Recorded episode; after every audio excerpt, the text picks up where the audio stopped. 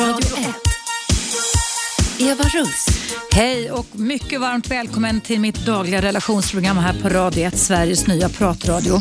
Numret hit är 0200 11 12 13 och idag så vill jag prata med dig om ett begrepp som jag i min värld kallar för social teater. Det är ju så att Eh, teater har ju funnits sedan urminnes tider där eh, professionella eller amatörer lär in en roll som de sen spelar upp på en scen med stor inlevelse och med mycket känslor och beteenden som rimmar ihop med det. Men det är också så att vi människor i dagligdags, inte minst nu när vi har Facebook, alltså alla sociala medier, så kan vi spela upp en stor social teater inför andra människor. Vi kan skapa ett stort skådespel skådespel inför våra grannar, inför våra vänner eller Facebook-vänner eftersom vi någonstans tror att andras gillande är viktigare än vad jag tycker om mig själv. Jag påstår att social teater handlar väldigt mycket om dålig självkänsla och rädsla och att det då fungerar som ett beteende, en skyddsmekanism som ska visa att titta här, jag är någonting att satsa på. Det är alltså en relationsaspekt aspekt i att spela social teater. Och genom åren har jag alltid varit väldigt fascinerad eftersom jag jobbar med människors tankar, känslor och beteenden och kunnat se detta genom åren och kunnat se det var jag än vänder mig på stan, om det så är i lekparken eller om det är i det stora fina varuhuset eller på den fina stadsdelen i Stockholm så kan det vara väldigt stora åthävor som människor eh, hänger sig åt. Man kan till exempel gå på stan en vanlig vardag extremt uppklädda. Man kan ha den stora barnskocken efter sig som är uppklädda så, som, så att de knappt kan röra sig eftersom man vill synas och någonstans spela upp teater som säger se vad vi är framgångsrika här, se vilken stor familj vi har.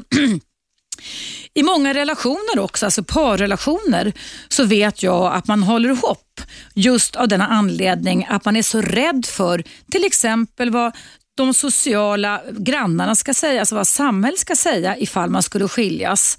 Eller så kan man leva över sina tillgångar och ta lån för att visa för andra att man är en i gänget. Man törs inte berätta hur det egentligen är ställt, att man kanske inte har samma typ av ekonomi som andra har.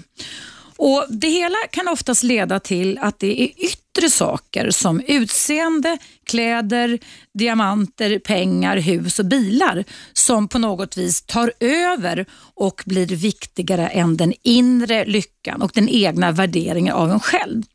För många människor kan det här i längden bli ganska svårt att leva upp och upprätthålla den här fiktiva bilden.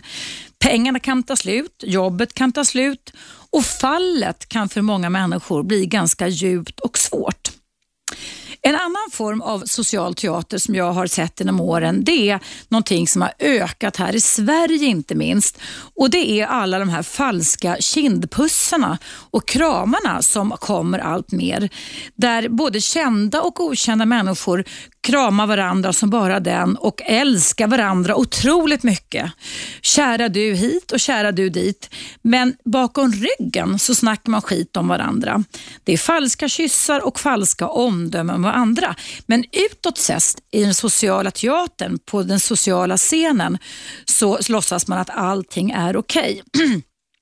Man kan också se det om man går på restauranger där framförallt kanske yngre generationer, men det kan också gälla äldre generationen, hänger sig åt att bjuda vitt och brett i hopp om att andra ska se att man har någon att räkna med.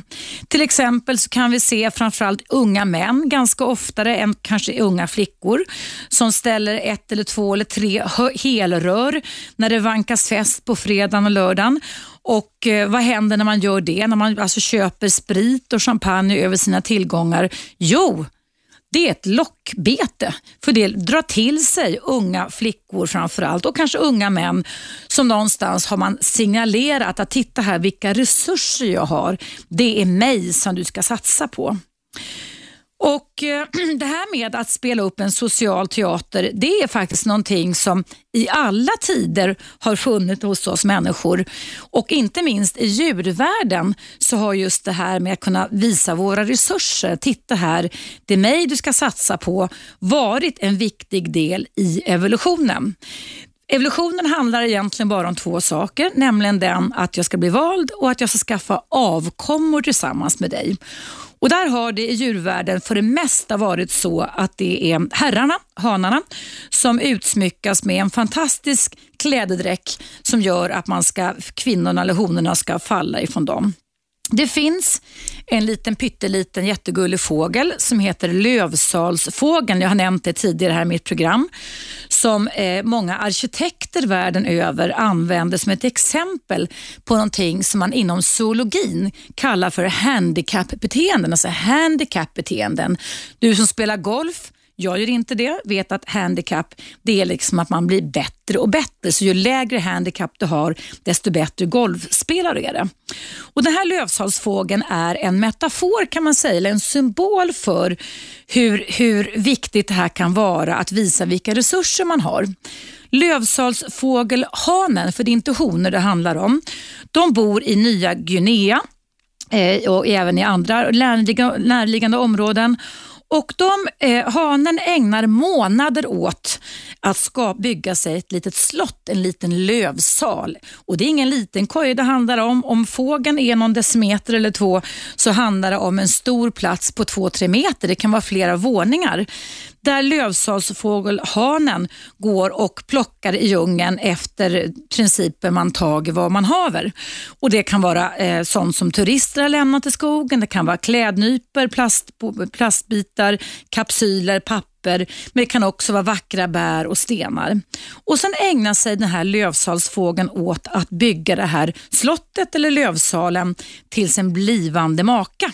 Och Han putsar och han kollar och han ser till att det här ska bli riktigt, riktigt fint eftersom det handlar om att han ska kunna visa, titta här, det är mig du ska satsa på. Jag har verkligen resurser till det här.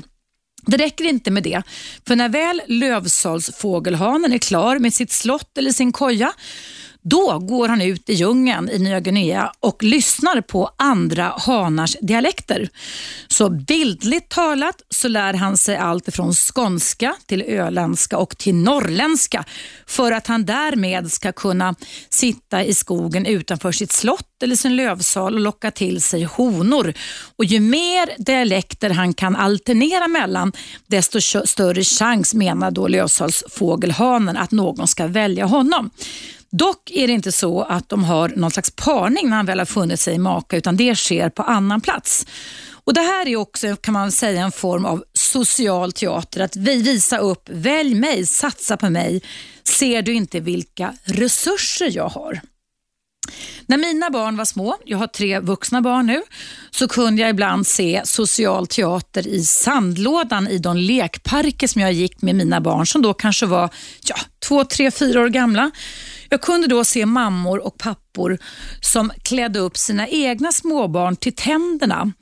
Och Oftast här på vårkanten så satte de givetvis på ungarna vita finkläder och satte dem sen i sandlådan i parken.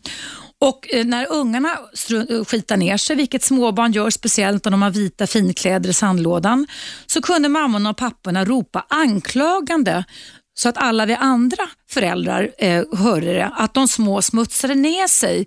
Så att till exempel nu blir inte farmor eller farfar i Florida glada. Du gör dem så ledsna. Tänk så mycket pengar dina kläder kostade henne.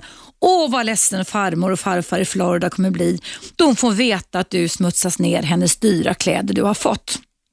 Mm. Social teater kan också fungera, inte minst här nu när vårbruket kommer igång. Jag har själv sett det när man har stått med krattan på ena sidan på tomten och diskuterat med grannen på andra sidan om vad är det för typ av växter, vad är det för typ av beläggningar och vad är det för typ av stenar man ska ha. Och Jag vet inte hur många gånger som jag har hört folk liksom säga och rynka på näsan åt grannens val och säga typ så här. Säger du det? Jag importerar alla mina växter från en expert på Sicilien. Jag kan inte tänka mig att ha någonting annat. Det måste alltid vara bästa kvaliteten, alltid. Det går inte för sig att just jag skulle köpa svensk kvalitet. Ja, social teater det är när vi spelar upp ett skådespel inför vänner och grannar eftersom vi tror att vi behöver, att vi inte överlever om vi inte får andras gillande. Men i grund och botten så handlar det här alltså om en relationsaspekt där det också handlar om att vi vill visa på våra resurser. Jag hävdar att det finns en väldigt stark rädsla till att man inte duger eh, och därför ser man tvungen att spela upp den här sociala teatern. Har du varit med om det här? Har du levt i en relation när ni har spelat social teater? Har du mött folk, inte minst i sociala medier, som spelar upp en social teater? Där kan vi ju ljuga hur mycket som helst och skriva fantastiska berättelser om oss själva som kanske i grunden handlar mer om ett önsketänkande än vad vi egentligen gör de facto. Jag kan också tänka mig att väldigt många internetdating-sajter handlar om en stor social teater där man kan bre på precis hur mycket som helst, alltså så kallade handikappbeteenden för att visa vilka resurser man har. Och Jag har hört väldigt många män och kvinnor i varierande åldrar som tror sig ha träffat drömprinsen eller drömprinsessan utifrån de beskrivningar som de har tagit del av på internet när de sen i verkligheten inte verkar stämma ett enda dugg. Vad tycker du om det här? Vad väcker det för känslor? Dagens ämne är social teater. Har du varit med om det? Har du spelat det själv? Har du upplevt vänner, grannar, par som har gjort det? Ring in till mig och berätta din historia. Numret är som vanligt 0200 11 12 13 och du lyssnar på Radio 1 och jag heter Eva Russ och nu är det dags för en liten paus. Vi hörs alldeles strax igen.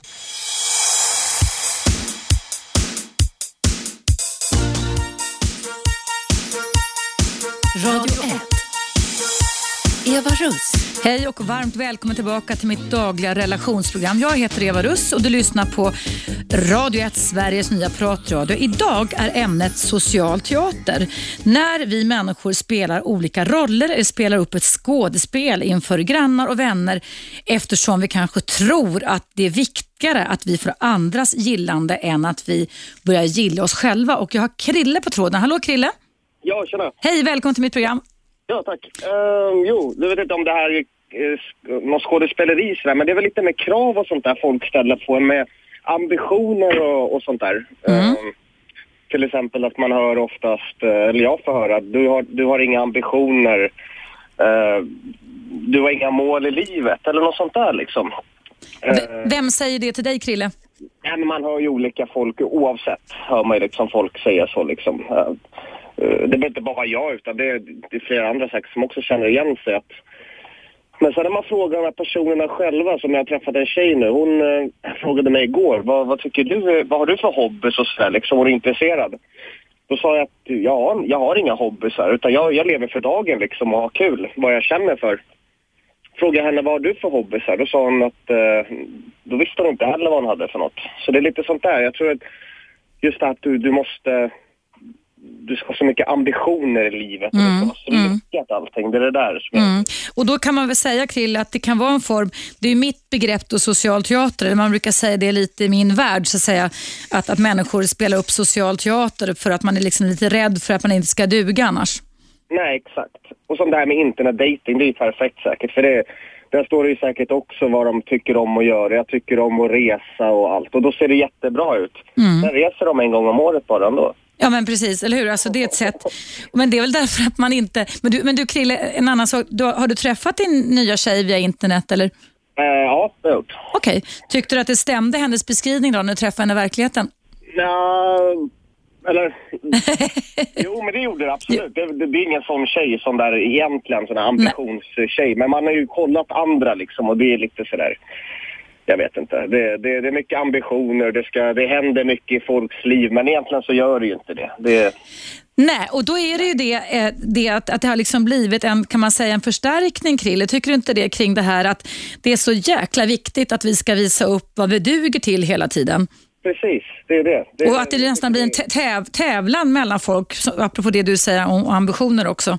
Ja, det är en tävling rakt igenom på Facebook och allt. Mm. Det är lyckliga bilder när de sitter med några vinglas där på, eh, på någon sandstrand någonstans. Mm. Men sen efter den där bilden, vad hände då? Ja. Det såg bara trevligt ut för stunden på bilden. Men mm. sen var det ju en normal semester. Mm. Vad tycker du Krill att man skulle kunna göra för att sluta med det? Jag vet inte, alltså jag tycker det är mer genomskinligt allting så jag... Det där borde väl folk... Visst, det finns folk som sitter och retar sig på sånt där säkert och mår lite dåligt men man ska nog eh, ta, ta det där med en nypa salt tror jag. Mm. Vad folk skriver och... Mm. An använder du mycket sociala medier, Krille? Nej, Facebook gör jag lite smått sådär men det är inget sådär. Nej. Nej, så jag... In, in real life är bättre alltså kan man säga? Ja, det är ju så. Det, det är det ju. Mm. Men det är mycket bekräftelse, så är det ju. Men det är människan. Människan är väl byggd på så sätt. Ja, alltså centralt för oss människor är ju att bli bekräftade. Men, men jag tycker ju någonstans om man ägnar sig åt social teater, liksom man, man nu kan prata om för mycket, så glömmer vi ju bort att gilla oss själva. Alltså att vi, vi, vi skapar strategier och beteenden som ska vara mer till för andra, därför det finns en rädsla inom oss själva att vi inte duger som vi är. Ja, exakt. Det tror jag också. Man glömmer bort sig själv lite där. Att det är en rä- rädsla att om inte jag lägger upp det här så kommer inte andra att gilla mig. Va? Så att andras gillande är viktigare än mitt eget gillande. Precis. Mm. Jo, men det, det håller jag med om faktiskt. Det, det, det gör jag. Ha. Yes. Du, tack för dina kommentarer och tack för att du lyssnade på Radio 1. Inga problem. Ha det jättebra Krille. Hej då, hej. hej. Jag kära lyssnare, du lyssnar på Eva Russ i Radio 1, Sveriges nya pratradio. Numret hit är 0200 11 12 13. Du kan också mejla till mig och då är det eva, radio 1, en etta, snabla gmail.com. Eh, vi finns på Facebook och vi finns också som gratisapp som du kan ladda ner. Och Dagens ämne, för jag byter ämne varje dag i mitt relationsprogram, det handlar alltså om social teater. När vi människor spelar upp skådespel inför våra grannar och vänner eftersom vi tror någonstans att vi inte duger som vi är. Jag har personligen själv faktiskt aldrig spelat upp något skoj. Jag har aldrig ägnat mig åt social teater. Och Jag skulle tro att jag genom åren har ibland upplevts som för öppen. Att jag alltså snarare, när jag var yngre i alla fall, berättade hur saker och ting var istället för att låtsas att allting var okej. Okay. Jag har lärt mig hemifrån att ehm, man ska vara redig och att ärlighet vara längst.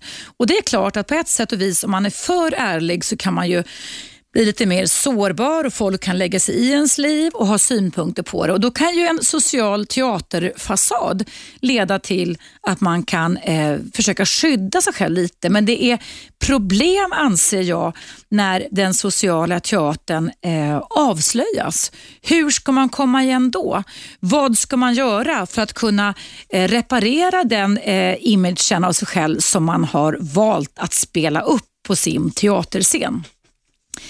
Jag känner också till människor som har levt i en, som man kan säga, det kallas väl inte så, men negativ social teater. Där man tror att man kan tankeläsa vad andra skulle komma att tycka om mig och därför avstår ifrån att realisera sina drömmar. Jag hörde för många år sedan talas om en kvinna som hela livet hade drömt om en vit sportbil. Hon drömde och hon gick omkring och tänkte för sig själv, Tänk den dagen, om jag en vacker dag får en, en summa med pengar eller pengar över, då ska jag köpa mig en vit sportbil, en Porsche tror jag till och med det var. Sen slumpade det sig så att den här kvinnan faktiskt fick ett arv, ett oväntat arv och det ledde till att hon faktiskt hade råd att köpa. Men hon köpte inte den här vita Porschen i alla fall. Hon avstod från det.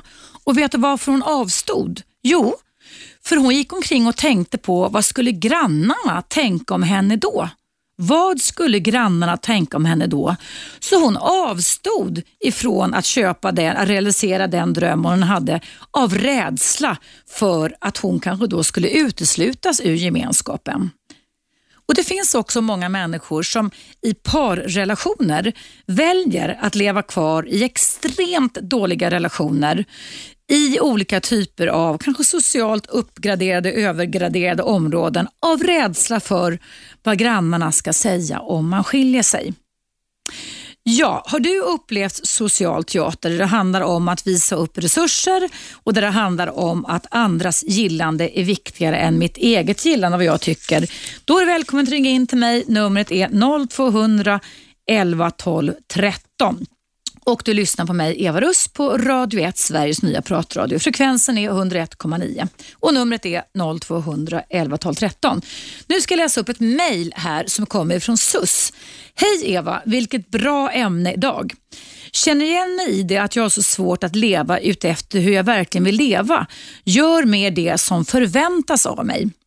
Jag lever ett utåt sett ett fantastiskt liv med mycket resor och champagnedrickande vänner men trivs bäst med att softa hemma eller vara ute på landet och påta i trädgården. Hur säger jag nej till vissa tillställningar utan att såra någon och utan att min man tycker att jag är tråkig? Ska tillägga att jag är 32 år och min man precis 40. Han kommer från en mycket finare familj än jag men har aldrig påtalat det utan det är mest jag som känner att jag behöver visa att jag duger och passar in. Tjusiga bilder läggs upp på Facebook och alla tror att jag älskar det glamorösa livet. Tack för ett jättebra program Sus. Ja Sus och kära lyssnare, det här ska jag fundera på under pausen som kommer här nu. Och Det här mejlet kommer alltså till mig idag. Ämnet är social teater och du kan göra som Sus, mejla mig evaradio1 gmail.com eller ringa mig på 0200 11 12 13. Och Sus beskriver då alltså nästan, om du ursäktar Sus, lite som tjuren Ferdinand som hellre vill sitta under en korket och ha det mysigt och bra än att visa upp sig i de stora gladiatorspelen och visa att man är stor och stark och kraftig. Jag ska fundera sus på vad jag ska ge er för råd. För nu är det dags för nyheter här på Radio 1. Häng kvar, ni kan lyssna på mig efter pausen och numret är 0200 11 12 13. Vi hörs alldeles strax igen.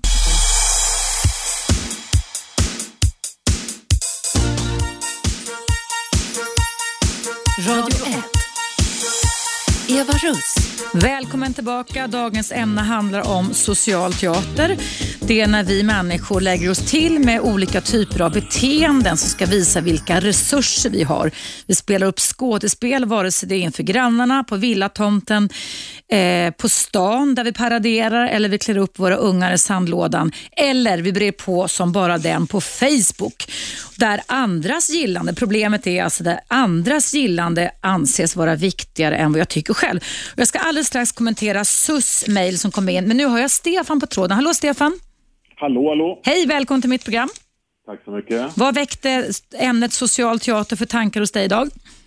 Jo, du berättade om den där äh, kriget i sandlådan. Mm.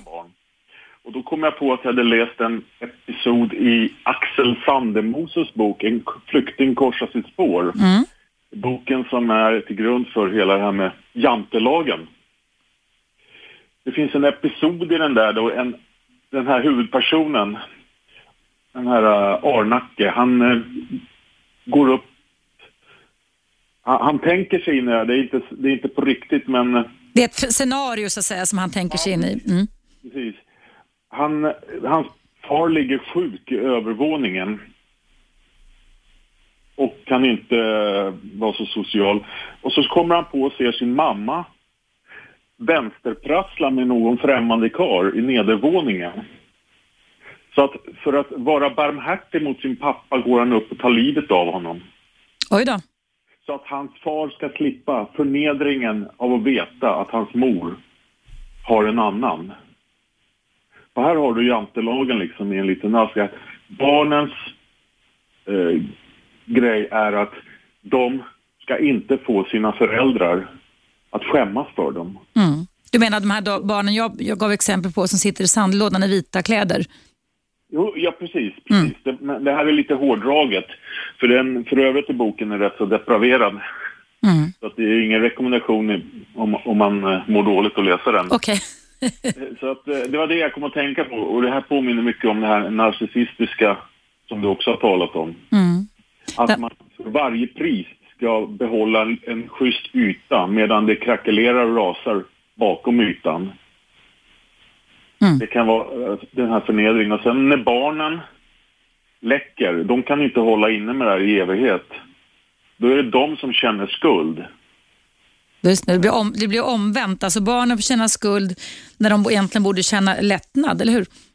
Ja, precis. För att de har alltså målat ut sina föräldrar liksom, när, när det har kommit till öppen dager, hur det är i verkligheten. Liksom. Mm. Så det var bara det jag tänkte på, jag kopplade med den där uh, sandlådeepisoden. Ja, ja, så den, trä, den träffade dig rakt ja. Underbart. Tack snälla Stefan för ditt bidrag till mitt program. Mm, och tack för att du har lyssnat. Ha det jättebra, vi kanske hej. hörs igen. Hej då, hej hej.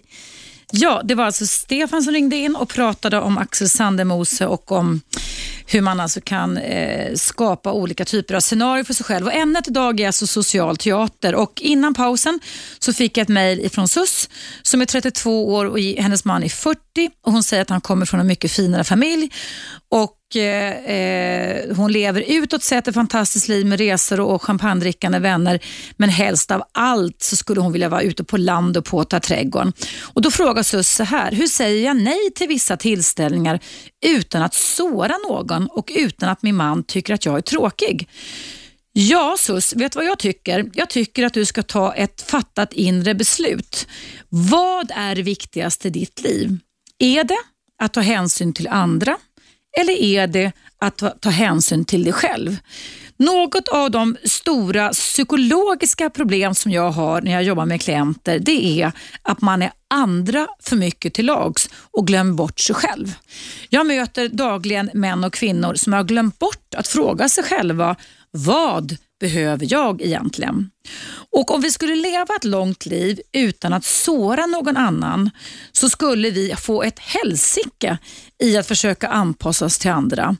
Andra människors känslor är givetvis viktiga, men om det är så att du SUS inte vill gå på olika tillställningar utan vill lyssna mer på dina egna behov så tycker jag att du ska tala om det för din man. Eh, att vara tråkig, att, eller du tror att du ska är tråkig om du inte hänger med på vissa tillställningar.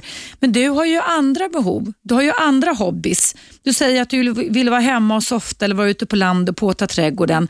Och Man kan faktiskt i en parrelation ha olika typer av behov där ni kan träna på flexibilitet och anpassning till varandra. Precis som jag sa i inledningen av mitt program igen, SUS, så handlar det här om rädsla. Du är rädd att du ska såra andra och du är rädd att din man ska tycka att du är tråkig. Och eh, Jag tycker att det är ännu viktigare att du gör upp med dig själv och faktiskt förstår att du verkligen duger och passar in när du lyssnar på dig själv. När du är lojal mot dig själv och eh, eh, talar om, kanske till och med på Facebook, vad du ännu mer gillar än det glamorösa livet. Du behöver inte förakta, du behöver inte nedvärdera det sociala livet eller det glamorösa livet som du och din man lever.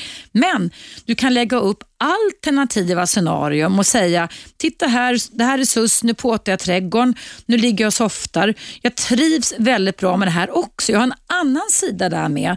Så tror jag att du kommer få gillande och även om du inte får gillande av andra, så so what? Måste du alltid ha, måste vi alltid ha andras gillande? För det är precis det som, är, som leder till att vi lägger in kompensatoriska strategier i form av social teater. Att vi tror att det är så att om vi inte gör det här så kommer andra inte att gilla mig. Men ta du och pröva, både du som har mejlat mig SUS och alla ni andra och se, är det verkligen så att det kommer hända någonting farligt om du törs bryta mainstreamen med social teater. Det kanske till och med är så att det här är en tankefälla. Det här är någonting som du har skapat och ofta så kan man skapa otroligt katastrofala scenarier om alla hemskheter som ska hända om man säger som det är. Men min erfarenhet, erfarenhet är, efter att ha jobbat i mer än 30 år som psykolog och mer än 10 år som psykoterapeut, det är att det oftast är tanken som allting är mycket, mycket värre än vad det är i verkligheten. Och För att lägga in en liten eh, passus där så kan jag också säga det, det har egentligen inte med det här ämnet att göra, men om du pratar om tankens kraft, alltså hur vad vi kan skapa i tanken, så jobbade jag under många års tid inom det svenska militära försvaret. Och den forskningen som jag tog del av då visade att det största hotet under krig inte nu, nu pratar vi alltså inte om 2012, men det här var alltså under 80 och 90-talet hittills då. Det var inte att bli skjuten, utan det var att du skulle dra igång en massa katastrofscenarier i huvudet. Väntan, att vänta på att handla, att vänta på vad som komma skulle kunde bryta ner folk ganska och relativt snabbt. Eh, jag kommer också ihåg att eh, det fanns ett exempel som i och för sig kan hänga ihop med det med social teater som jag läste. Jag tror att det var några franska styrkor uppe i Nordafrika som eh, på ett regemente fick, eller en förläggning, fick en, det fanns ju inte GPS eller sms eller mobil då, jag tror inte ens det fanns fax, kanske möjligtvis fax under andra världskriget, att en gasgranatattack hade skett några mil därifrån. Och inom loppet av några minuter så gick samtliga omkring på det här kompaniet, eller regementet och hade tecken på gasgranatattack. Rinnande näsor, svårt att andas och tåriga ögon. Sen kom det en kurir eh, efter några timmar igen och sa sorry, det var ingen gasgranatattack, det var fel. Det var en vanlig granatattack, alltså utan gas i och se då tillfrisknade alla inom loppet av en halvtimme. Så där kan vi se hur mycket förväntan faktiskt kan styra våra föreställningar. Och social teater som är dagens ämne i mitt relationsprogram Eva Russ, det handlar om att vi alltså på grund av olika föreställningar om vad vi tror är socialt viktigt spelar upp små eller stora skådespel inför grannar, vänner i våra parrelationer eftersom rädslan rädslan finns som en röd tråd. Vi är rädda att inte vi ska duga och då spelar vi de här rollerna med stora åthävor eller med små åthävor. Och social teater har ju alltid funnits. Jag skulle kalla det för en kompensatorisk strategi. En strategi som vi använder oss av för vi är rädda för att vi annars inte kommer att bli omtyckta. Vad har du för erfarenhet av social teater, kära lyssnare? Vad väcker det här ämnet för tankar och känslor? Ring in till mig. Numret är 0200 11 12 13. Du kan göra som SUS, du kan mejla mig och mejladressen hit är evaradio1 snabelaggmail.com. Nu är det dags för eh, en liten paus här igen. Jag ser att det ringer här så jag ska ta ditt samtal, du som ringer i pausen. Vi hörs alldeles strax igen.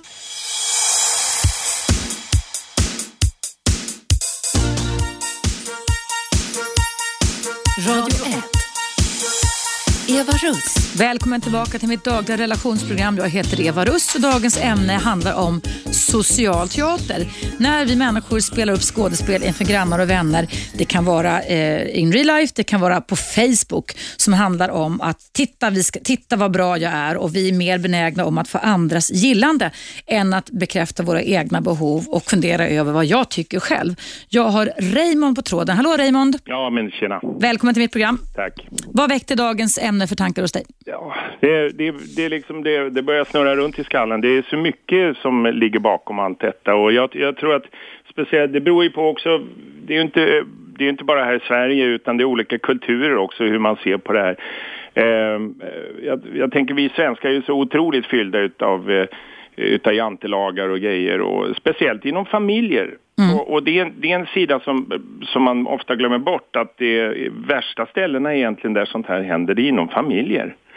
Där man eh, syskon emellan, föräldrar, eh, man, man har gift sig, man skiljer sig, vad ska de tycka, vad ska se? Och allt det här är ju så grundläggande i, vårat, i våra liv, familjerna, hur vi växer upp och hur vi blir eh, ja, hur, hur, vi är mot varandra i vår uppväxt och så vidare. Och, och, det där bär vi ju med oss resten av våra liv. Så jag tror att det är väldigt mycket upp till eh, var och en att se till att man, man tänker efter i de här, eh, om sånt här eh, till våra barn och sådär så, så, att de inte får med sig det här dåliga arvet. Vad har du sett för någonting hittills i ditt liv Raymond kring det här i din omvärld så att säga? Ja, naturligtvis. Jag, vi, mina föräldrar är skilda. Eh, och det var ju också en kamp däremellan. Vad, vad ska mamma säga, vad ska pappa säga och så vidare. Och de emellan också. Vad, eh, alltid föräldrarna liksom, eh, ofta kastar skit på varandra. Att, eh, titta så han är eller titta så hon är och så vidare. Hela tiden kastas eh, fram och tillbaks. Vilket man har fått höra sedan när man var, då var tonåring. Och vuxit upp med detta. Naturligtvis så får man ju med sig ett, ett arv då utav detta. Eh, ett arv i beteenden eller i tänkande, ta tankar och beteenden? Tanke och beteende. Det, det, är svårt att komma ur. När man har vuxit upp i det här som barn och, och så är det svårt att skilja på, liksom, det är väldigt svårt att skilja på vad som är eh, ett rätt beteende och inte, utan det har man ju liksom bara fått med sig i modersmjölken så att säga. Menar du också Raymond att man kan då bli mer till lagsinställd, alltså att, att man sitter där och är lite mer känslig för vad andra människor ska tycka och tänka? Absolut, jag vet massor av människor som är livrädda. De vågar inte gå ut på stan bara för att de är oroliga för att vad andra människor ska tycka om dem. Mm. Ett väldigt kvinnligt beteende till exempel bara det här att man inte skulle våga gå ut, bara gå till Konsum på morgonen och handla, handla mjölk för att man är osminkad. Mm. Vad ska mm. grannen tycka då? Mm. Man, ska alltså, man ska alltså dölja sig bakom ett lager av smink för att mm. Visa att man är någon annan. Jag har mött genom åren sådana grannkvinnor kan jag säga, i, inte det huset där jag bor idag, men tidigare, som alltså eh, aldrig, jag, jag, kan gå ut hur som helst omålad och med keps på huvudet och sånt där, det struntar jag fullständigt i, men som alltid var extremt makeade och extremt tillgjorda för att gå och slänga soporna. Ja, men jag känner flera stycken som säger att de skulle aldrig lämna, de skulle aldrig lämna sin, gå utanför sitt hem utan att mm. ha sminkat upp sig. Mm. Det, det, går liksom inte. Mm. Och det, allt det här kommer ju från vår uppväxt och hur man, hur man har sett kanske mamma och pappa vara och så vidare. Och det, det är ett sånt här sociala arv som går vidare och vidare och vidare. Mm. Och eh, jag vet inte hur man ska bryta sånt här utan det, det ligger ju också nedärvt i hurdant vi är som människor och folk. Svenskar är väl på ett visst sätt eh, Uh, italienare på ett annat. Mm. Sen, sen, är det väl så Raymond att det här beteendet är ju en överlevnadsstrategi man ska kunna säga som det handlar i basics så att säga, om att eh, se på mig, välj mig eftersom det finns en rädsla hos alla människor, mänskliga varelser man säger så, däggdjur i alla fall, att bli bortvald av flocken? Naturligtvis, visst. Men om vi beter oss så, som djuren så skulle vi bete oss rätt så naturligt. Men jag tycker, det som jag tycker är mest skrämmande nu för tiden, det är att det är att vi är så, eh, vi är så mediastyrda. Det är, alltså, det är egentligen media som styr, det är inte politikerna som styr vår värld utan det är media. Det som sägs på tv och det som skrivs i tidningar och det som, det är så man ska vara. Och kommer en modetrend, ja då, man talar nu om vad ska, hur man ska gå klädd på hösten och på hösten talar man om hur man ska gå klädd på våren och så vidare. Mm. Och då måste man följa alla dessa. Eh, det har blivit så otroligt fixerat. Och sen så alla det, så hur man följer eh, alla det, hela kändisvärldarna, eh, hur, hur det ska gå till och så ska alla kopiera detta. Och sen har vi ett svenskt fenomen och det är det här Hennes Mauritz och Ikea-fenomenerna där alla ska ha det lika. Man mm. måste, man har, det har ju skapats på grund av jantelagar, de här företagen. Mm. Mm. Det är därför det har blivit så stort i, i våra länder. Mm. För att alla ska kunna gå klädda som eh, stjärnor. Alla ska kunna bo och leva som stjärnor. Mm. Men det handlar ju om konformitetsprincipen. Återigen det här flockbeteendet hos oss människor. Att vi, vi, vi törs inte avvika ifrån flocken för då tror vi att någonting farligt kommer att hända. Ja, precis. Absolut. Och vi, det, men det som, det som inte är roligt är att eh, vår kreativitet stoppas ju. Det händer ju, vi, det blir sämre och sämre med allt sånt här. Vi blir mer och mer styrda. Och man vågar till exempel, och till slut så hamnar det i det att man vågar inte säga något.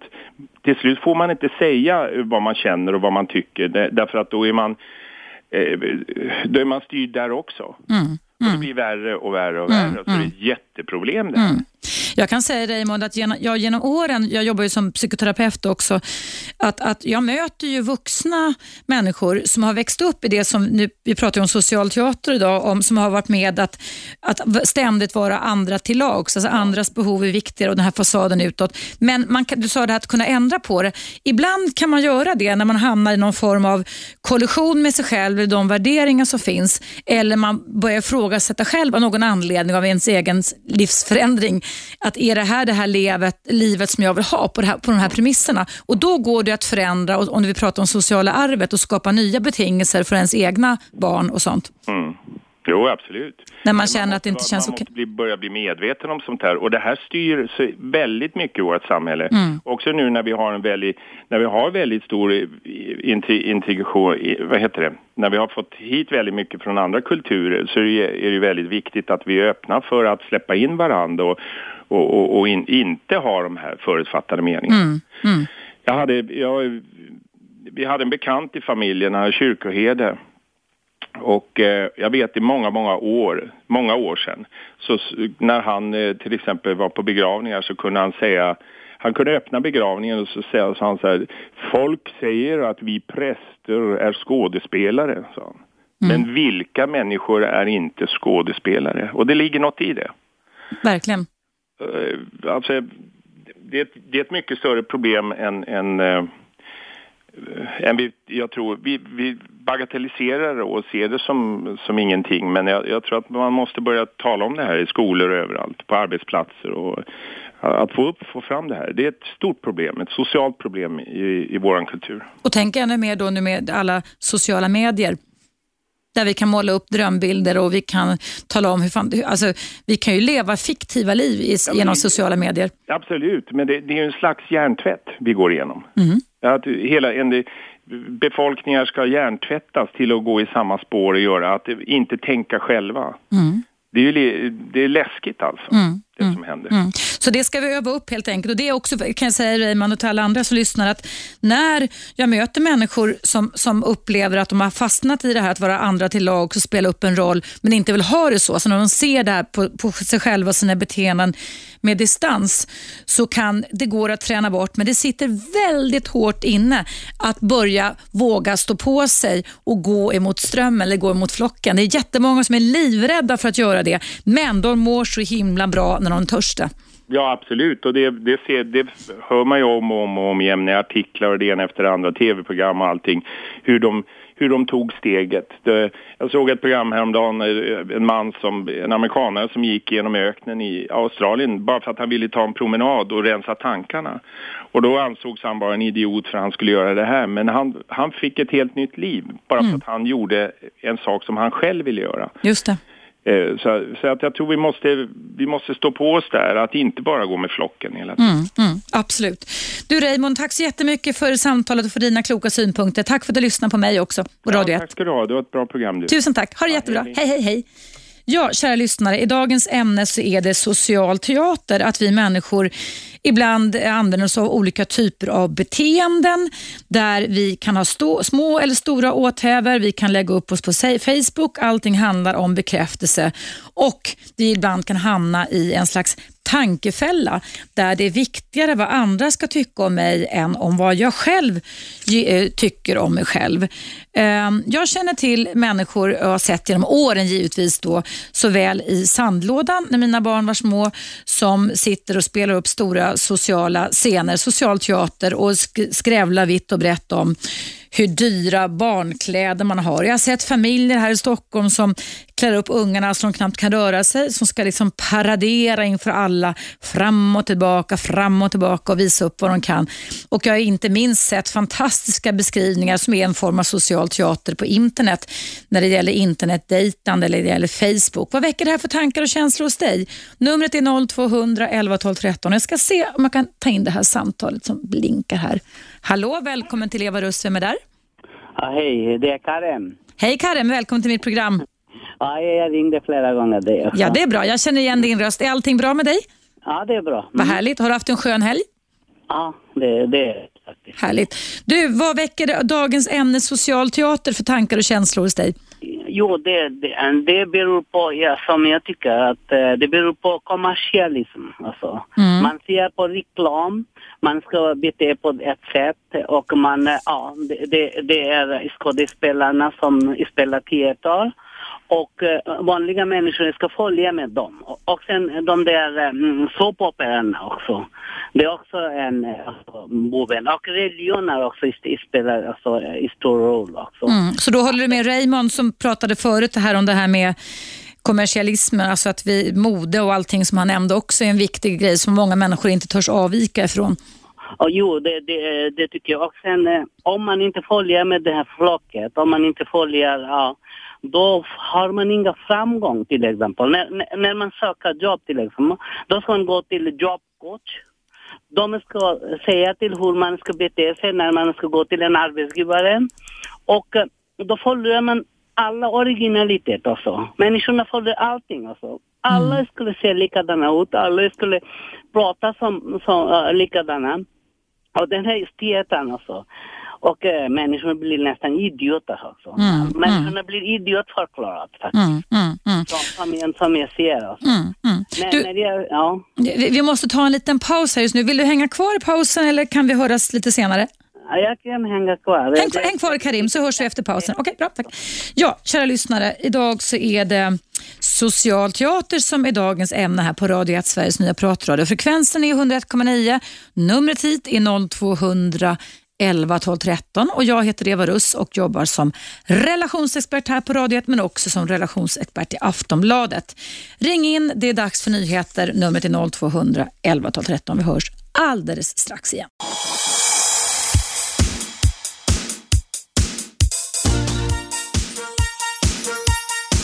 Radio 1. Eva Russ.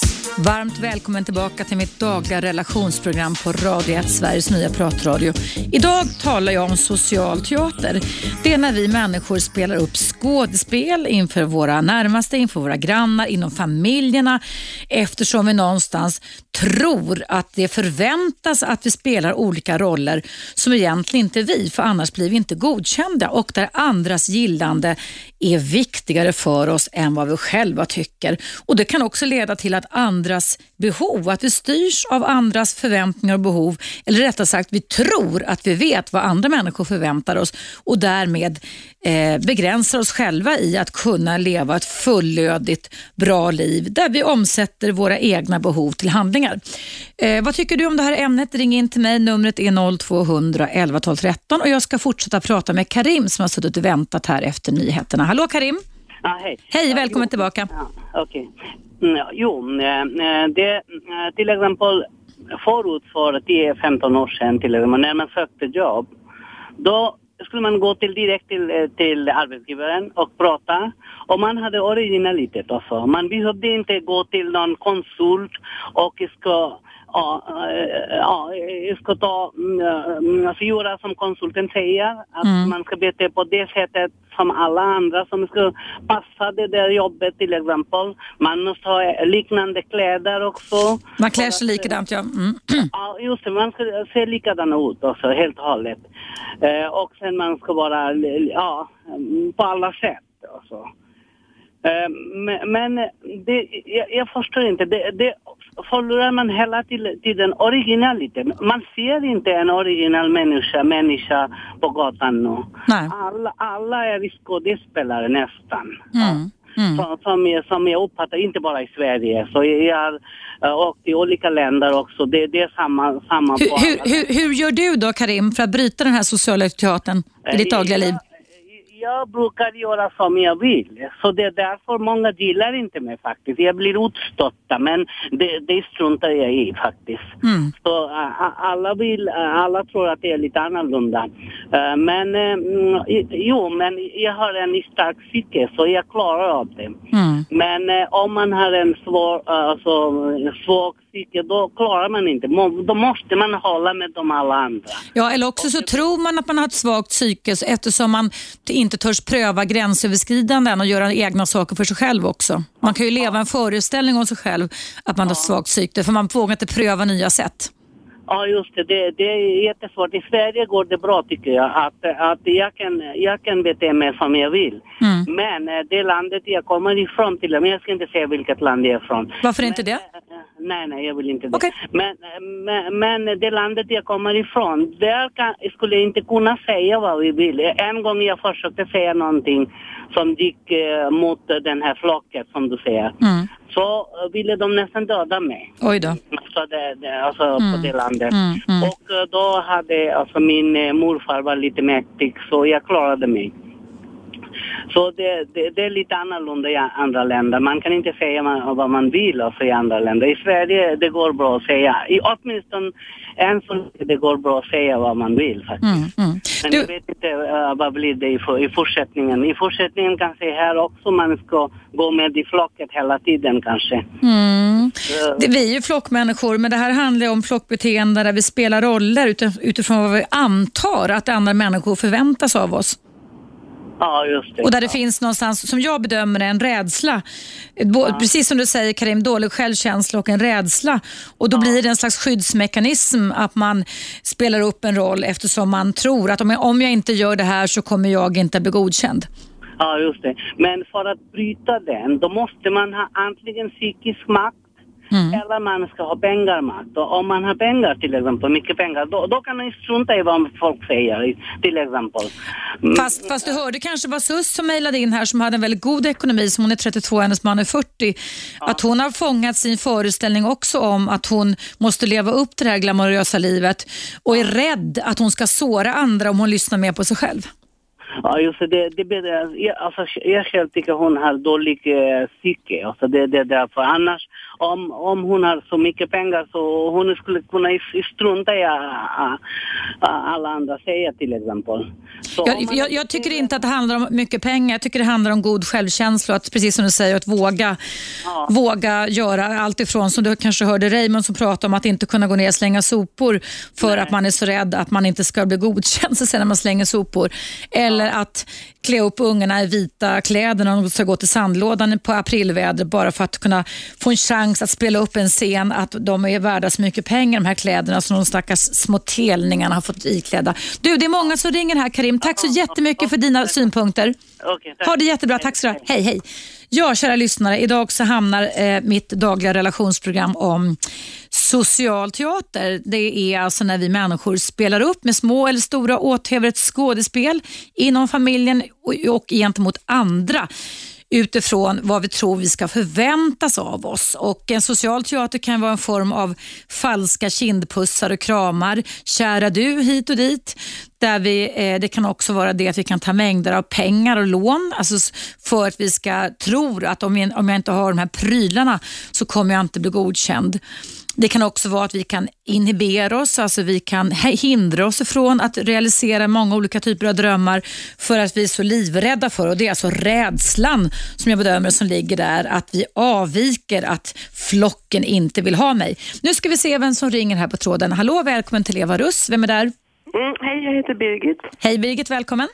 Jag är lite förkyld, men så är det. Det är helt okej. Jag känner mig också lite förkyld, nästan på gång i alla fall. Men kör på. Vad, vad väcker dagens ämne social teater för tankar? Jo, jag tänker vara väldigt kort. Jag tänker bara säga så här att eh, eh, om folk tänker efter vilka de beundrar själva så är väl det personligheter i stort. Greta Garbo, vad som helst som kan tänkas stor personlighet. De går ju inte i flocken. Det har du rätt i. Så jag vill bara ge ett tips. Toppen. Tack snälla du. Och krya på dig från förkylningen. Hej då. Hej, hej. Ja, eh, jag tänker på, ehm, jag tänker på eh, en, ehm, eh, vad säger, en relationshistoria som har gått i kvällspressen och i veckopressen som handlar om en person som jag inte på något vis känner på något sätt, som jag har läst om mycket. Och Det är eh, Heidi Klum, en fotomodell som genom åren som hon gifte sig med sångaren Sil har prytt eh, eh, omslagen och allt möjligt. Och de har skaffat fyra barn, eller tre, tre barn på raken med varandra, ungefär en var, varje år eller en vartannat år. Och där man har sett bilder där de har varit så kära i varandra och förnyat sina äktenskapslöften ömsom iklädda kläder från 1700-talet, alltså the state of the, the independence då i USA, till andra saker. Och sen plötsligt hux flux så ska de skilja sig. De har alltså spelat upp en bild av den oerhört lyckliga familjen och sen säger då Heidi Klum efteråt då att allting behöver inte alltid vara som det har sett ut utåt. Men det här paret har alltså spelat social teater och har de gjort det för att de ska övertyga sig själva om att det var så bra? Eller har de gjort det på grund av rädsla för att eh, de andra inte ska få veta hur illa ställt det var med dem? Jag tycker synd om barnen. Barnen är väldigt små, minderåriga, minsta två. Kan de inte kämpa lite till kan jag tycka. Varför ska man ge upp så lätt? Nåväl, eh, det är vad jag tycker. I dagens ämne är det alltså social teater. Jag ser att det ringer här, men det är faktiskt dags för en liten paus här igen, som det är dag, väldigt ofta här på Radio 1. Men du kan fortsätta ringa till mig. Numret är 0200 11 12 13 och ämnet är social teater.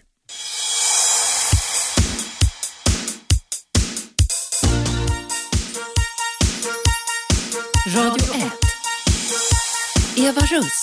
Välkommen tillbaka till mitt dagliga relationsprogram. Jag heter Eva Russ och dagens ämne handlar om social teater. Det handlar om när vi får det nästan till en livsstil att vi ska spela upp olika typer av roller utifrån antagandena om att vi måste vara på ett visst sätt, vi bör göra på ett visst sätt och vi är inte godkända om vi inte spelar upp det. För ibland så kan ju social teater leda till att skydda oss också ifrån att folk ska lägga sig i vad som egentligen sker inom mitt liv, mitt sociala liv eller inom min kanske parrelation också. Men jag pratar alltså om social teater som är ett begrepp inom min värld som är en kompensatorisk strategi och också har en relationsaspekt som tyvärr kan leda till i den formen så den blir repetitiv att eh, andras gillande är viktigare än vad jag tycker själv. Och jag ska alldeles strax koppla in min vän Lennart här som sitter och väntar men jag vill också passa på att säga till dig som lyssnar att idag så har det skett en liten förändring i programtablån. Så alldeles efter mig när jag är klar här klockan 12 idag så kommer faktiskt Hasse Aro hit och kommer att ha sitt eh, efterlyst special varje vardag klockan 12 till 13 här på Radio 1. Och Det innebär också att killarna i sportvärlden hörs klockan 18.00 varje eh, kväll kan man väl säga istället. Nu ska vi se om Lennart finns kvar på tråden. Hallå Lennart! Hallå, hallå, hej! Hej, välkommen! Tack, det var snällt. Jo, jag hörde på ingressen av programmet då, du nämnde det här med man föreställer sig och liksom den här tillgjordheten som har blivit på en slags nyck ja, det kanske kom på 80-talet, slutet av 80-talet, man ska rusa på varandra med ett tjut och säga åh! Och så en, en sån här häftig kindpuss eller någonting va. Mm. Jag var för en tid sedan nere på stan och plötsligt bakom mig så hörde jag så här, oh! så här riktiga tjut och då var det två kvinnor som liksom hoppade på varandra och pussades på kinden. Va? Och det sågs, de kanske hade träffats några dagar tidigare. Va? Det är precis som att de inte hade sett varandra på 30-40 år. Va? Mm. Och det är lite märkligt det där. Vad säger du om förr i tiden? Då var ju folk mer diskreta med det där. Det var ju inte så där impulsivt utan man kunde tänka sig att en man då högaktar en kvinna så kunde han ge henne en handkyss. Va? Det var ju mm. lite mer diskret på något sätt. Mm.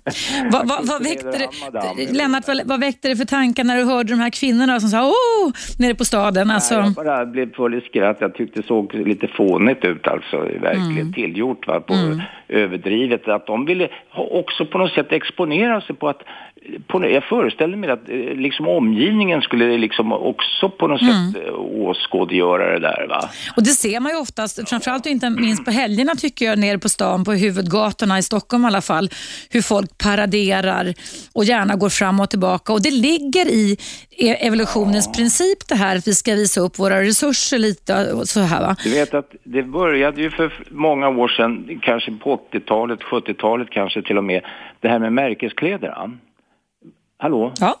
Och då hade man ju varumärken som eh, liksom Adidas då, tre ränder och det fanns massa sådana väskor man köpte och, och eh, då kom det där med märkeshysterin. Tidigare så fanns ju inte, utan då kunde man ju bara tänka sig att någon var klädd i en viss jacka som såg proper och fast, bra ut. Fast V-jeansen, V-jeansen och matchtröjorna du på 70-talet?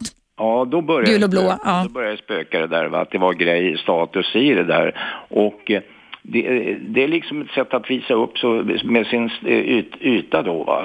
att man har pengar eller att man är med i tiden, att man är inne som det heter. Det, det var ett epitet som eh, gick i pressen för flera år sedan, att man är inne människor. Mm. Man skulle vara utåt och se, eh, ses och beundras och där på något sätt. Va? Det var som Karim sa som ringde in det där med att den originella, originalen har ju försvunnit. Va? Förr i mm. tiden så talade man om originella människor. Va? Jag minns den här, eh, vad hette han, han var värmlänning den här killen, eh, Möte vid vägkors var ett program som gick på, på radion för många år sedan. Mm. Och då sammanträffade han med original ute i bygder och sådär som kunde berätta och det var väldigt fascinerande människor alltså. Mm. Man hörde ju då att de var väldigt originella, de hade sin egen uppfattning och, och sitt eget sätt att trava fram i livet va. Det hette Golans gång förresten. Okej, okay, Golans gång. Ja. Och det var jättesköna människor där. Och jag var ju rätt ung då. Men jag var så oerhört fascinerad att höra de där gamla människorna som var ansedda då som byggde original. Eller de hade olika professioner vet och de berättade sådär levande och det var fascinerande. Det här som Karim sa, att människor, alltså det finns inga, de har tagit, de har försvunnit de här originalen va. Mm. Originella människan, det betyder, original betyder väl ursprunglig sådär va. Mm att man ska vara sig själv, att finna sig själv.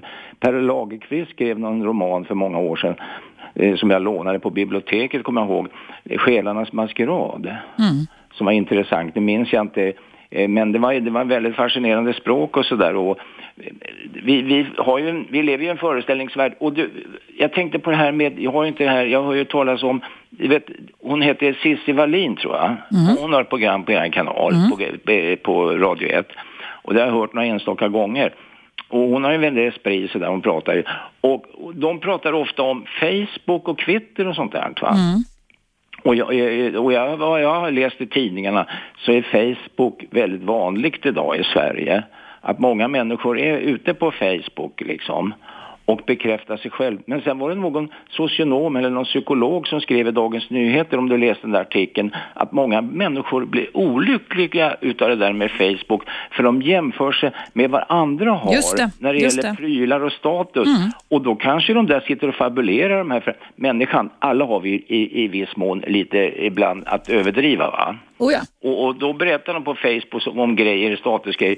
Och då blir andra på något sätt sådär, får ett avundkänsla i sig. De blir olyckliga, de mäter sig då med, med de här andra på Facebook som är så väldigt duktiga och har så mycket prylar och fina grejer och det vet du. Mm. Så det menar jag, jag, jag tycker också det och jag nämnde tidigare i programmet att, det, alltså att, att, att just genom Facebook eller sociala medier så kan vi ju måla upp fiktiva bilder om hur fantastiskt bra vi har och hur rika vi är och oj oj oj hur mycket fester vi har och oj oj oj hur mycket dyra kläder jag har. Och, och allt behöver inte vara sant och man ska nog ta det med lite nypa salt men i grunden handlar det ju någonstans om att visa resurser så att man inte hamnar utanför flocken och visa att man duger till någonting i alla fall. För det värsta som finns är ensamhet, motsatsen till flockbeteende är ensamhet. du, grejen är väl en med att det finns väl en del människor som kanske bekräftar sig själva som, som har alla de här prylarna. Men sen finns det andra människor som åker snålkurs i liksom med fantasin med att bygga upp luftslott. Va? Mm, luftslott är ju vanligt, eh, och luftslott. Men det kanske, du som är psykolog, det kanske är nödvändigt för oss människor ibland att bygga, bygga upp lite illusioner. För att Det, det har vi hjärnan till Lennart, absolut, absolut. Men det här handlar mer om, som jag ser, rep, Jo, att det, ja. det blir en livsregel, ett repetitivt beteende där man inte liksom egentligen berättar om sig själv, vad man tänker, tycker och känner, utan där man hela tiden är, lägger uppmärksamheten bort ifrån sig själv och är tvungen att se, vänta, vänta, vad, vad hade de för bil? Vänta, vänta, vad hade de för kläder? Ja, men då måste jag också ha det. Och där man, om man inte har det så, så liksom låtsas man att man har det. Det där är intressant, du, för jag satt på tunnelbanan för en tid sedan. Och då satt det några yngre tjejer då, kanske runt 20 vet du. Ursäkta om jag avbröt det förresten. Nej, det är ingen fara. Nej. Och då, då pratade de om, de kritiserade några andra väninnor då, eller kompisar då, att eh, deras klädsel och allting sånt där. Och det tycker man, det kändes väldigt obehagligt när, att man ska liksom mäta ytan vad de har för kläder hela tiden och sånt där. Och, och sen som du sa, det här med föreställningsvärlden va, att eh, Bygger man upp för mycket illusioner eller, eller luftslott så blir det en livslögn till slut, blir det inte det? Absolut, det blir det. Absolut. Det man är livslögn alltså på något sätt. Va? Det är det jag befarar. Jag, jag har träffat för, för många, många år sedan mitt andra barns pappa, en, en man som spelade socialteater, förmodligen av rädsla för att, att han inte skulle duga mina ögon. Och Det visade sig sen, eh, han lämnade ju mig när jag, vi var nygifta och jag var gravid, för han träffade en ny kvinna som dessutom hette Eva. Men i alla fall, eh, han och min son är 26 år nu, men han, det visade sig att det var socialteater alltihopa. Ingenting av det han berättade om sig själv stämde. Vad otäckt det är, så därför att, då, eh, för att Ja, nästan. Ja, all, all, det fanns en del saker som stämde. Men han, och då tänker jag så här, men varför gjorde han så? För han dög ju i mina ögon ändå. men Men det- det, det- är en rädsla att inte duga. en inre osäkerhet. Va? Att det är självkänsla. Kännetecken eh, som ska känneteckna en eh, på något vis, att man är duglig och, och bra och så vidare. Mm. Men det finns ju en gammal filosof, vet du, den där Friedrich Nietzsche, han talade om att människan är flockdjur och att man ska, liksom när han talar om det där med den där konstiga övermänniskan, det, det betyder inte enligt hans egen utsago tydligen så att man ska överträffa sig själv på något vis men inte liksom behöva överträffa andra. Va? Och att ensam är stark, det kanske man inte ska hålla med om för att vi är beroende, vi människor utav Av varandra, ja, ja. Det är därför vi, vi, vi ska stå i förbindelse med varandra. Men du Lennart, tack så jättemycket Ja, för dina själv. Det kunskaper. var Och, intressant att höra. Jag ska lyssna vidare. Vad bra, Lennart. Ha det jättebra. inringare som ringer. Tack du ha. hej då, hej hej.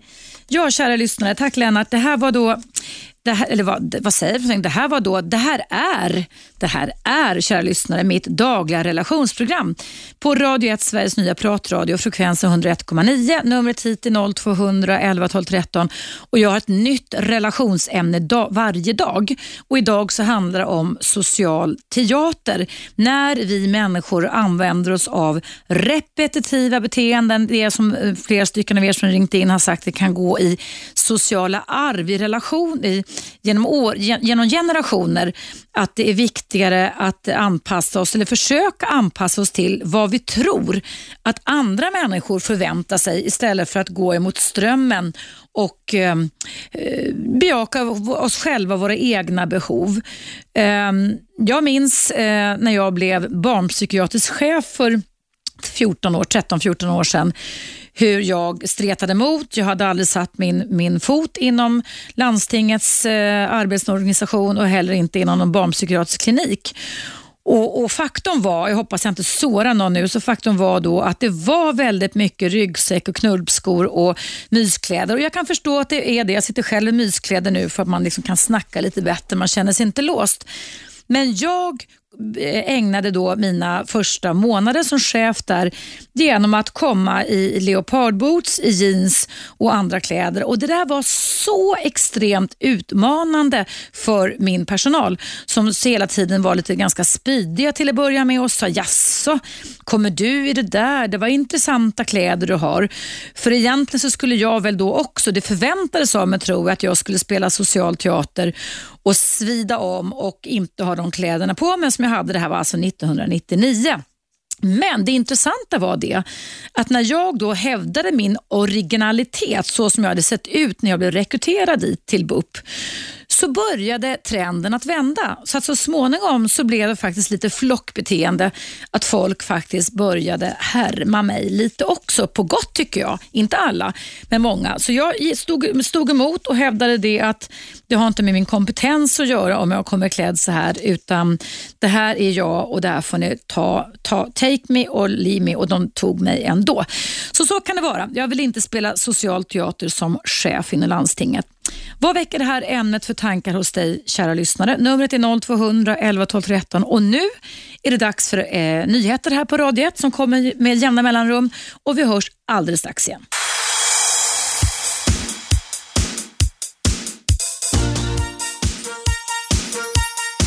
Radio Eva Russ. Välkommen tillbaka till mitt dagliga relationsprogram på Radio 1. Frekvensen är 101,9 och telefonnumret är 0200 11 12 13. Och idag pratar jag om ett begrepp som man i min värld kallar för social teater. Det är när du eller dina nära och kära eh, använder rep repetitiva, alltså ofta förekommande beteenden där ni spelar upp ett skådespel inför era grannar och vänner eh, där ni tror att andras gillande är viktigare än att ta reda på vad du själv gillar egentligen och där du alltså ständigt får lov att vara till lags och anpassa dig till alla andras beteenden. Att gå emot strömmen, att, att vara originell har flera stycken av er lyssnare ringt in och sagt att det verkar vara en bristvara idag. Jag har själv eh, genom åren mött ett antal män och kvinnor i varierande åldrar som lever fast och sitter fast i föreställningen om att de måste anpassa sig. De sitter fast i en massa måsten och en massa borden i sitt tänkande som också grundar sig på väldigt mycket katastroftankar. Och katastroftankar, kära lyssnare, Kom ihåg det, det är bara tankar om någonting som ännu inte har inträffat. Det är bara tankar. Och När jag har haft eh, både män och kvinnor som sitter fast i måsten och borden och katastroftankar så har jag sagt att det enda sättet att lösa det här på det är egentligen om du utrustar dig med en eh, mikrofon eller en bandspelare och så går runt till alla de här människorna där du antar en massa saker och ställer frågan, vad tycker du ifall jag skulle avvika ifrån gruppnormen? Vad tycker du ifall jag skulle berätta om hur mitt liv verkligen är? Vad tycker du ifall jag skulle sluta i att anpassa mig till hur jag tror att ni förväntar er och vad förväntar ni er egentligen?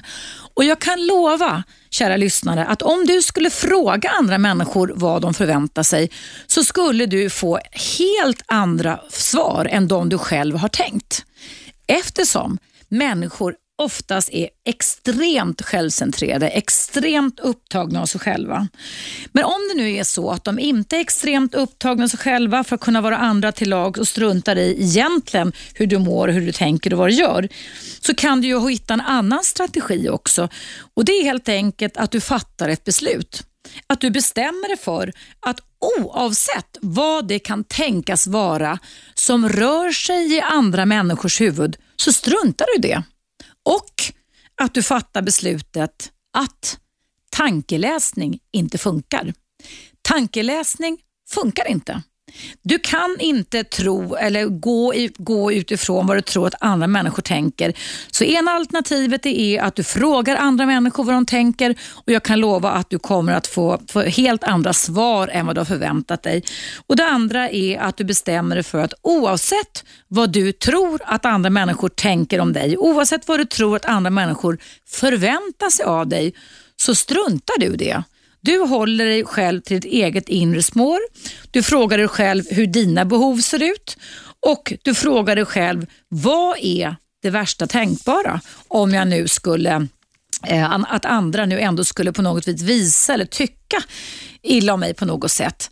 Kan jag överleva det eller inte? Är det verkligen så att det blir en sån katastrof som mitt inre tänker?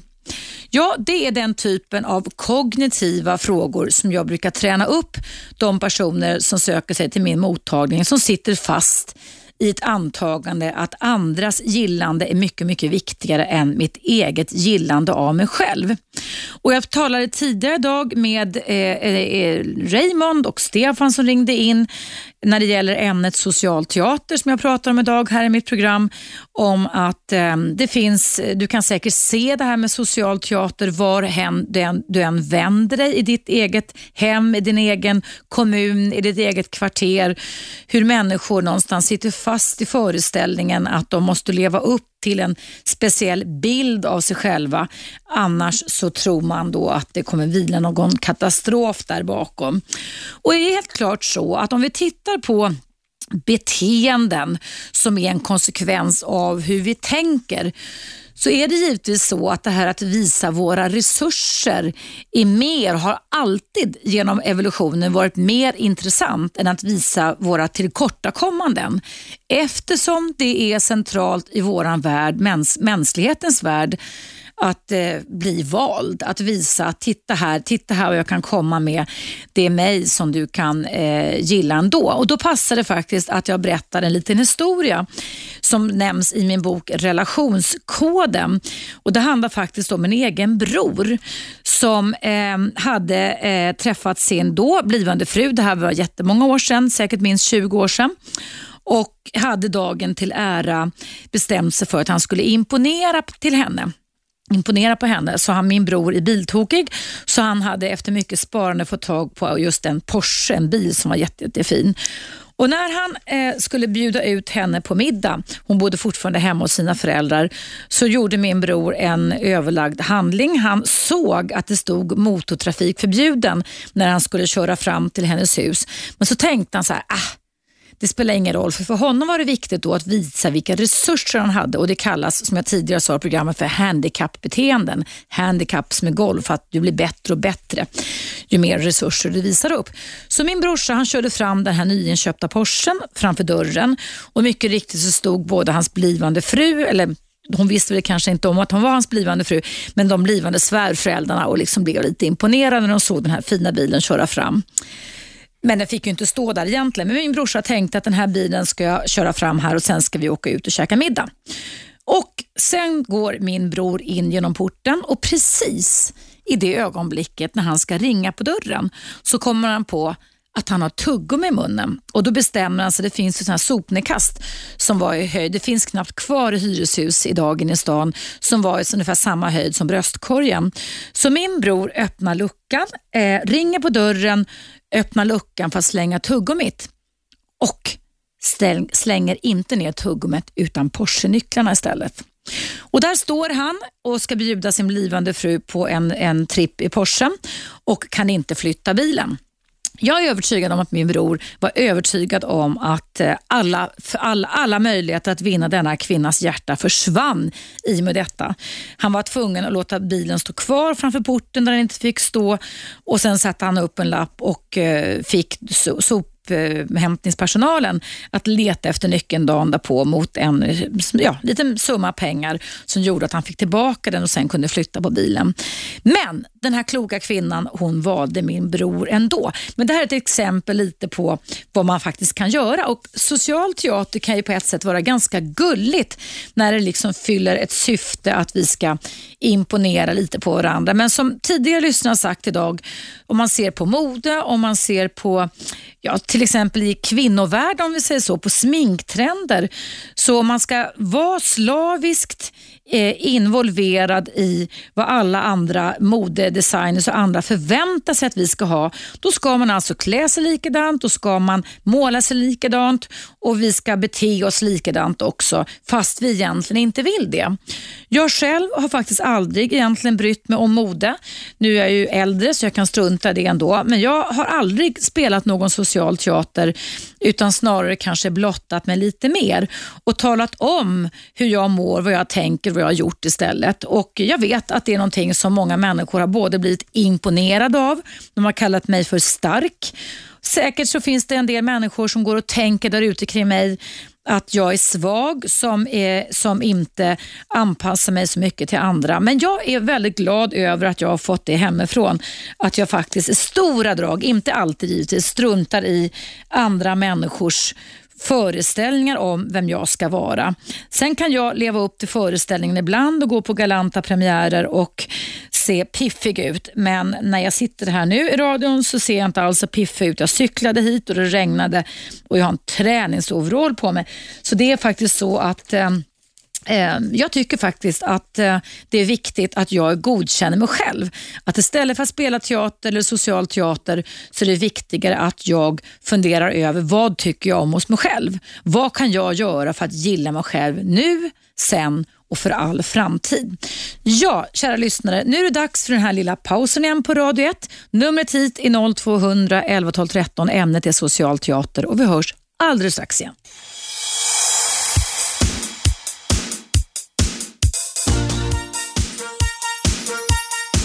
Radio 1.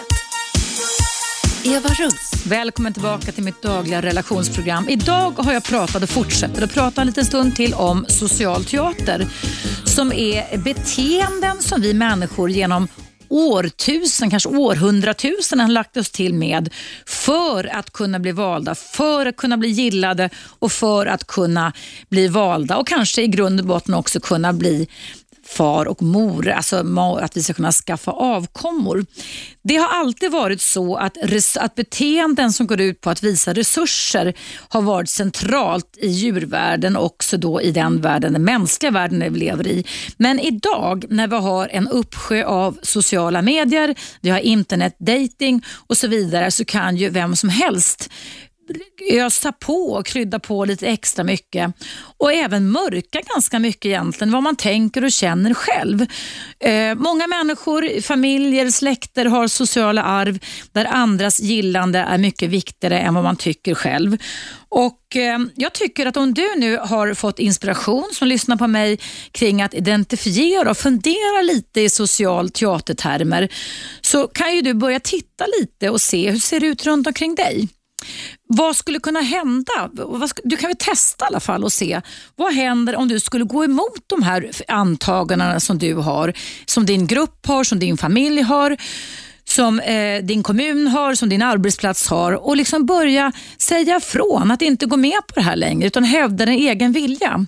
Jag kan garantera, eftersom vi är flockmänniskor och vanemänniskor, att många människor kommer att bli förbluffade, förvånade, nyfikna, frustrerade. Men när någon vågar bryta normen så kan andra våga haka på.